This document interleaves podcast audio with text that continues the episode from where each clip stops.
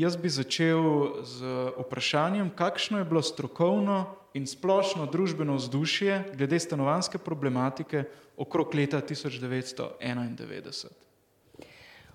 Eh, strokovno in splošno vzdušje okoli stanovanj leta nekje 91-90 eh, je bilo, bi rekla, zelo pravzaprav po eni strani pod vplivom tega dogajanja prej uh, in potem nekako tega nenadnega tranzicijskega šoka. Ne? Zdaj, nekako tisto prej, kar je lepo uh, nekako tlakovalo pot do privatizacije v tranziciji, uh, je bilo to, da je pravzaprav stroka že dlje časa govorila o tem, kako pravzaprav ta prejšnji sistem stanovanjske oskrbe in družbena stanovanja, njihovo dodeljevanje in tako, kako to nekako ne funkcionira dobro. Nekako govorili so o tem, da je v družbenih stanovanjih uh, vložena neka ogromna družbena investicija, ogromen družbeni kapital, ki je pa mrtev, Zato, ker enkrat, ko je stanovanje oddano, se več ne da ga komu drugemu dati. Uh, in uh, nekako uh, tudi, uh, da je pravzaprav s tem treba počasi dokončati, ker je tudi nepravično.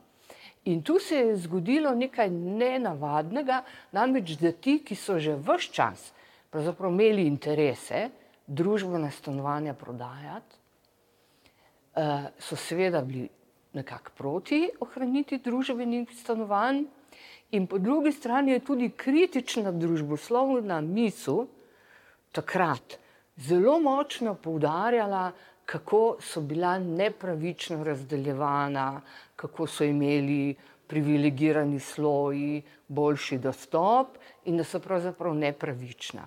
Tako se je zgodilo, da, da je ta koncept družbenih stanovanj ostal brez podpore. Na eni strani ta kritična levica, ali kako bi rekli, je bila proti, in na drugi strani ti čist interesi, ki so bili pragmatični. Ne? Uh, in moramo še poudariti nekaj, kar se mogoče pozablja, da je nekako konec 80-ih let prišlo do tega, da je veliko pomembnih ljudi, ki so že prej dobili dobra družbena stanovanja, dobilo kredite, si zgradilo hiše in nekako uh, ni bilo več tudi z njihove strani tega interesa, da bi se to ohranilo. Ne? No, to, to je bila neka klima, neka atmosfera. Potem, ko, pa nekak, ko pa je prišlo do tranzicije, tega nekako bi človek rekel, udarnega, udarne spremembe, je pa uh, uh, tukaj imela stanovanska privatizacija, odprodaja teh stanovanj, eno zelo pomembno vlogo, uh, ne samo finančno, zato ker je na ta način uh, nekako ta na novo ustanovljen slovenski državni, recimo, proračun ali pa denarni trg pridobil devize, ker ljudje, ki so kupovali stanovanja, so jih v glavnem s prihranki v devizah in so dali te devize na trg. In tako je potem prišlo do tega, da je Slovenija dobila, ustvarila neke devizne rezerve. Ne? Jazbinšek je se zelo hvalil eh, s tem, ne? da je njegov zakon to, po, to pomagal narediti. Ne?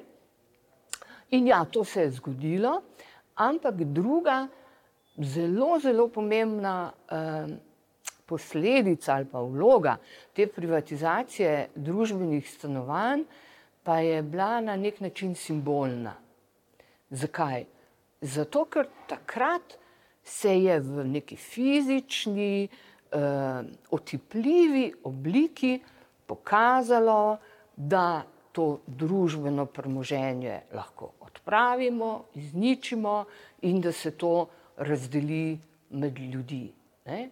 in da na plano stopi zasebna lastnina. Ne?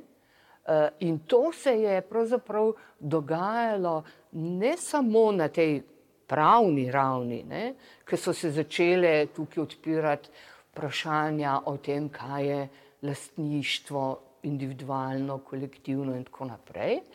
In tukaj je ta družbena lastnina in družbena neka javna lastnina pomen popolnoma pogorel v tistem prvem obdobju, ampak pravzaprav tudi na uh, tej otipljivi fizični ravni.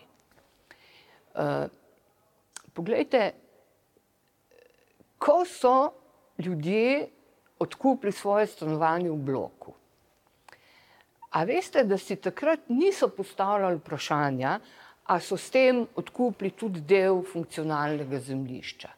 In to ni bilo nikjer določeno.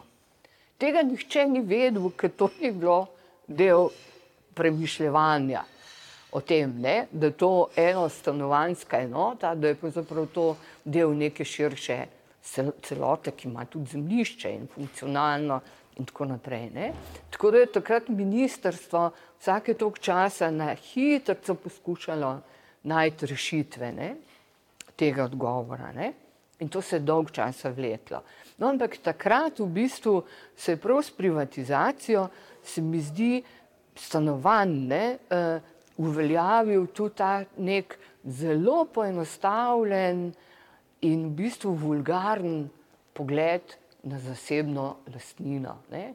To je nekaj mojega, omejenega, strogo ločenega in izoliranega od tistega zunaj. In jaz to kupim, zato da bom jaz tukaj gospodar ne? in me tisto okoli ne zanima. In to je bila težava, ne samo v Sloveniji, pri naši privatizaciji stanovanj, ampak tudi uh, v vseh drugih tranzicijskih državah. In tukaj je bil pravzaprav viden en nesporazum uh, s zahodnjaki in z njihovim pogledom na to, kaj je zasebna lastnina stanovanja, recimo v kolektivni zgradbi. Uh, njihovi strokovnjaki Svetovne banke so tako pridgali privatize, privatize, to je rešitev. Ne?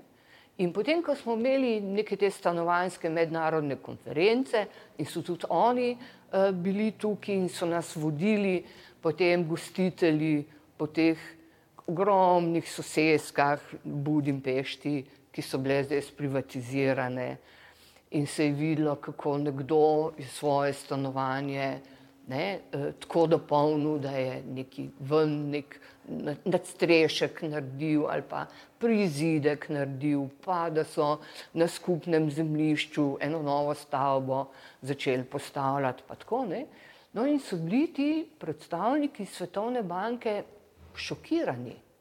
Ne? In so rekli, ja ne tako, nismo mislili na ta način, ne?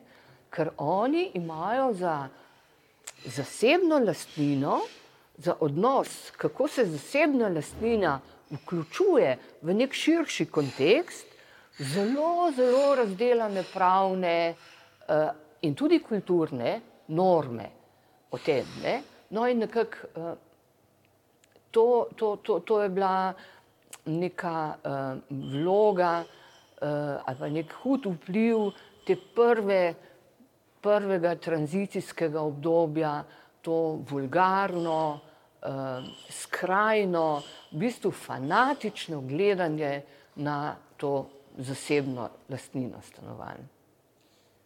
Kako pa ocenjujete dolgoročne strukturne vplive tako imenovanega izbinškega zakona na stanovanski standard, pa tudi na odnos do, um, do razmerja med javno in zasebno gradnjo v Republiki Sloveniji danes?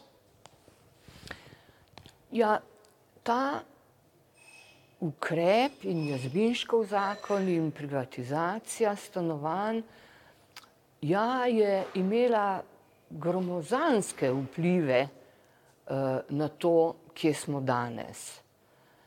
Uh, pravzaprav uh, je presenetljivo, kako še vedno smo v bistvu zelo blizu tistega gledanja, iz, tega, iz teh zgodnjih 90-ih let, ko se gleda na to individualno lastnino, eh, pravzaprav na ta zelo skrajen način, eh, ne, eh, in pravzaprav,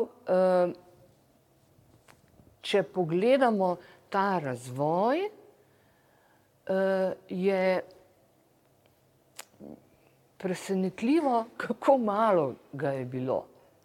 Kako blizu smo ostali tem 90 letim, letom, kako pogosto se to, kar imamo danes, pripisuje tistemu dogajanju, tej dediščini tranzicije in se v bistvu spregleda, da pravzaprav je minilo 30 let. Da, če pogledamo ta socialistični sistem stanovanske oskrbe, je pravzaprav obstajal in deloval in se gradil točno ene 30 let, od 60-ih pa tja do 90-ih let. In vse tako obdobje je pa konc koncev že minilo do zdaj od takrat. Ne? In če so takrat toliko stvari lahko upeljali, pravzaprav mi v tem 30 letih se toliko zgovarjamo na posledice eh, tistega takrat. Eh, ne? In eh, pravzaprav ta pogled eh, na mm, individualno lastnino je še vedno nerazvit, nedodelan, zelo konflikten in konc koncev ugrajen v kar nekaj rešitev. In to se nam zelo, zelo otepa pri vprašanjih recimo večstanovanskih stavb, pri vprašanjih oblikovanja nekih širših eh, kompleksov, kjer gre za različne lastnike, različne eh, pristope in tako naprej. Eh, poglejte, eh, ena od stvari, ki se je takrat k malu po tranziciji eh, zgodila, ne, je bilo recimo uh, ustavno sodišče, ki je vprašanje upravljanja v večstanovanskih stavbah postavilo na način, da je to popolnoma podrejeno zasebnim interesom lastnika. V tem smislu, da lastnik ali pa, ki je tudi upravnik stanovanj, ne rabi imeti nobenih strokovnih kompetenc. To je ustavno sodišče reklo, da je lastnik, ki oddaja stanovanja večjim ljudem, da je to njegova zasebna gospodarska dejavnost in ne rabi imeti nobenih posebnih uh, kvalifikacij. Zato to je, to je nevzdržno, to je čisto nevzdržna pozicija, ampak je osvojena. Recimo druga stvar, ki se je takrat tudi uh, zgodila, ne, uh, in ima fizične posledice. Danes je, če se spomnite, v socializmu je bilo ugrajenih zelo veliko sosesk.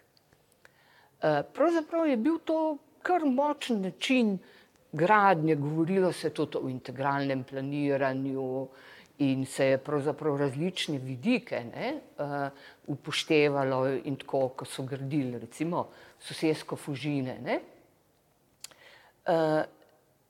V, po tranziciji, uh, ne, ki je zadevala tudi, da se je veliko zemljišč in tega sprivatiziralo, razdrobilo, tudi mesto Ljubljana, konc koncev se je kar nekaj časa otepalo lasnine nad nekimi parcelami, ker bi morali za, nji, za te parcele samo skrbeti. Ne.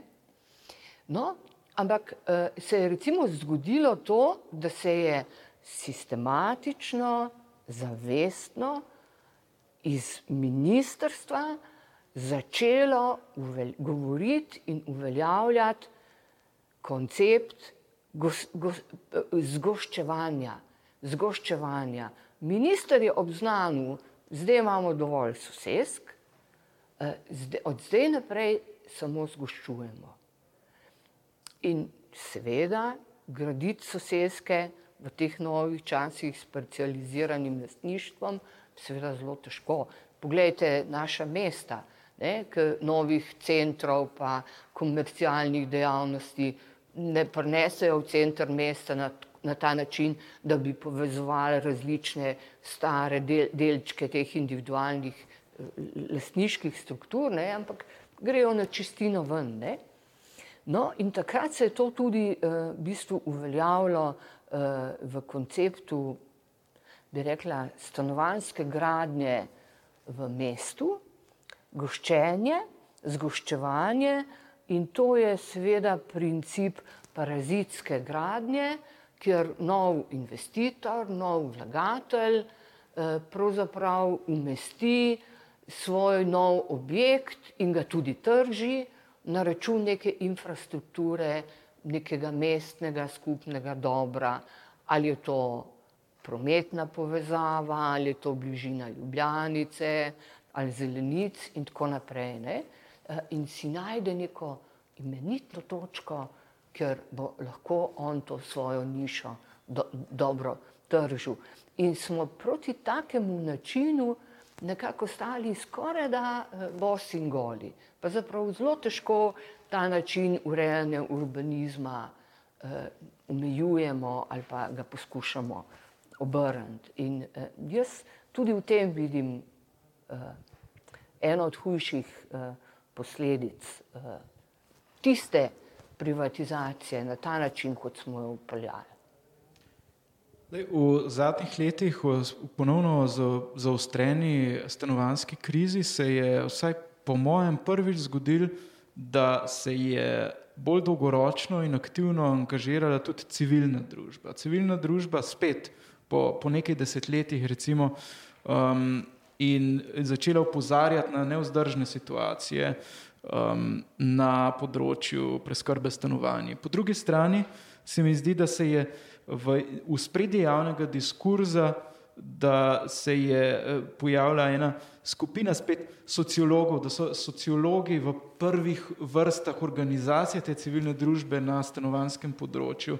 Čeprav bi recimo včasih pričakoval, da bodo to arhitekti. Kako gledate na ta med um, interdisciplinarno civilno pa akademsko sfero, ki spet poskuša posegati v to zatečeno stanje, je uspešna um, in kako, kaj se lahko naučimo iz preteklosti, kako lahko vplivamo na stanovansko politiko.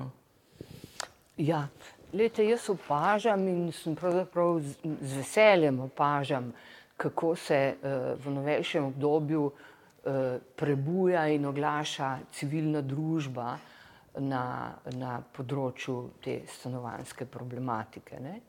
Eh, in eh, je delno povezana, ampak jaz mislim, da bolj posredno z, neko, z nekimi znanstvenimi disciplinami.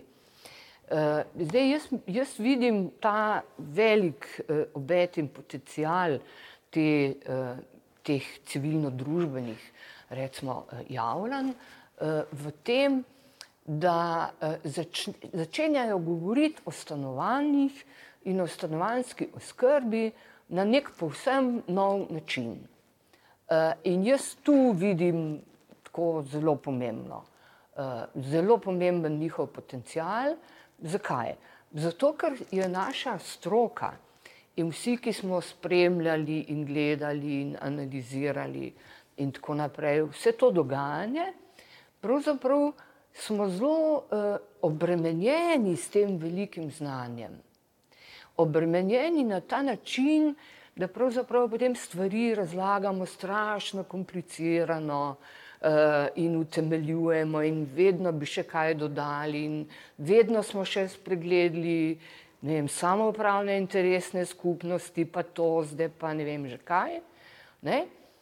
Uh, in uh, je pravzaprav to nekaj, kar, uh, kar jemlje energijo uh, in potencial aktivnosti, delovanju, ne? nekim socialnim inovacijam, ki se morajo kazati v nekem novem načinu organiziranja za doseganje nekih konkretnih novih ciljev.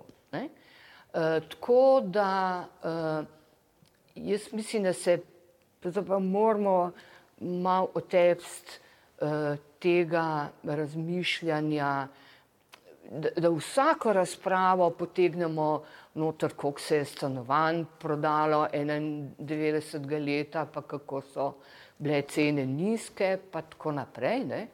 Uh, in da je pravzaprav nas to drži nekako v nekem hermetičnem prostoru, da premalo gledamo zglede iz tujine, tako da me zelo, zelo veseli tudi recimo javljanje eh, iz eh, javnih skladov eh, in z mestnega in iz republiškega eh, oziroma držav slovenskega tega javnega sklada, eh, njih, eh, njihovih predstavnikov, eh, ki govorijo o konkretnih zgledih, ki jih vidijo recimo pri, pri, pri sosedih. Ne?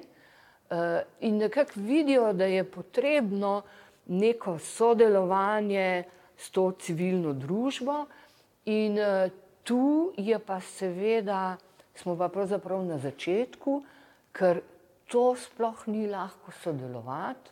Tu so zelo dolgotrajni procesi potrebni, pogovarjanje, sestankovanje.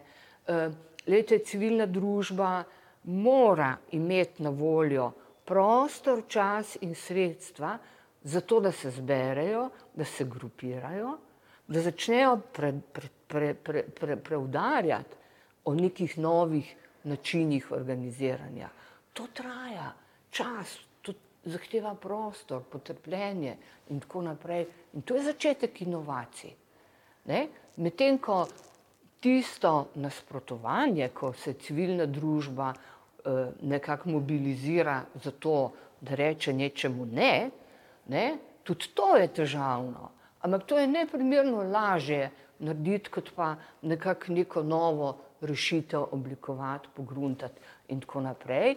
In tukaj civilna družba absolutno rabi podporo strani javnih oblasti in tudi pripravljenost javnih akterjev, zato da sedijo, da razpravljajo, da imajo tudi znanje o tem, kako se pogovarjati, kako recimo stvari, diskusijo voditi tako, da bo konstruktivna, da ne pride do neke takojšnje polarizacije mnen, vi ste rekli to, pa niste naredili to, pa ne znate to, ne, ko se napade na, na drugega, ne, ampak da se nekako drži nekih vsebinskih premislekov, dograjevanja in tako naprej, ne, in da se povezuje ta javna sfera s to civilno sfero. In tukaj lahko ima recimo tudi družboslovje, tudi arhitektura in jih tudi ima, ne, eh, pravzaprav to, Eh, veliko vlogo, da pravzaprav to povezuje. Ne?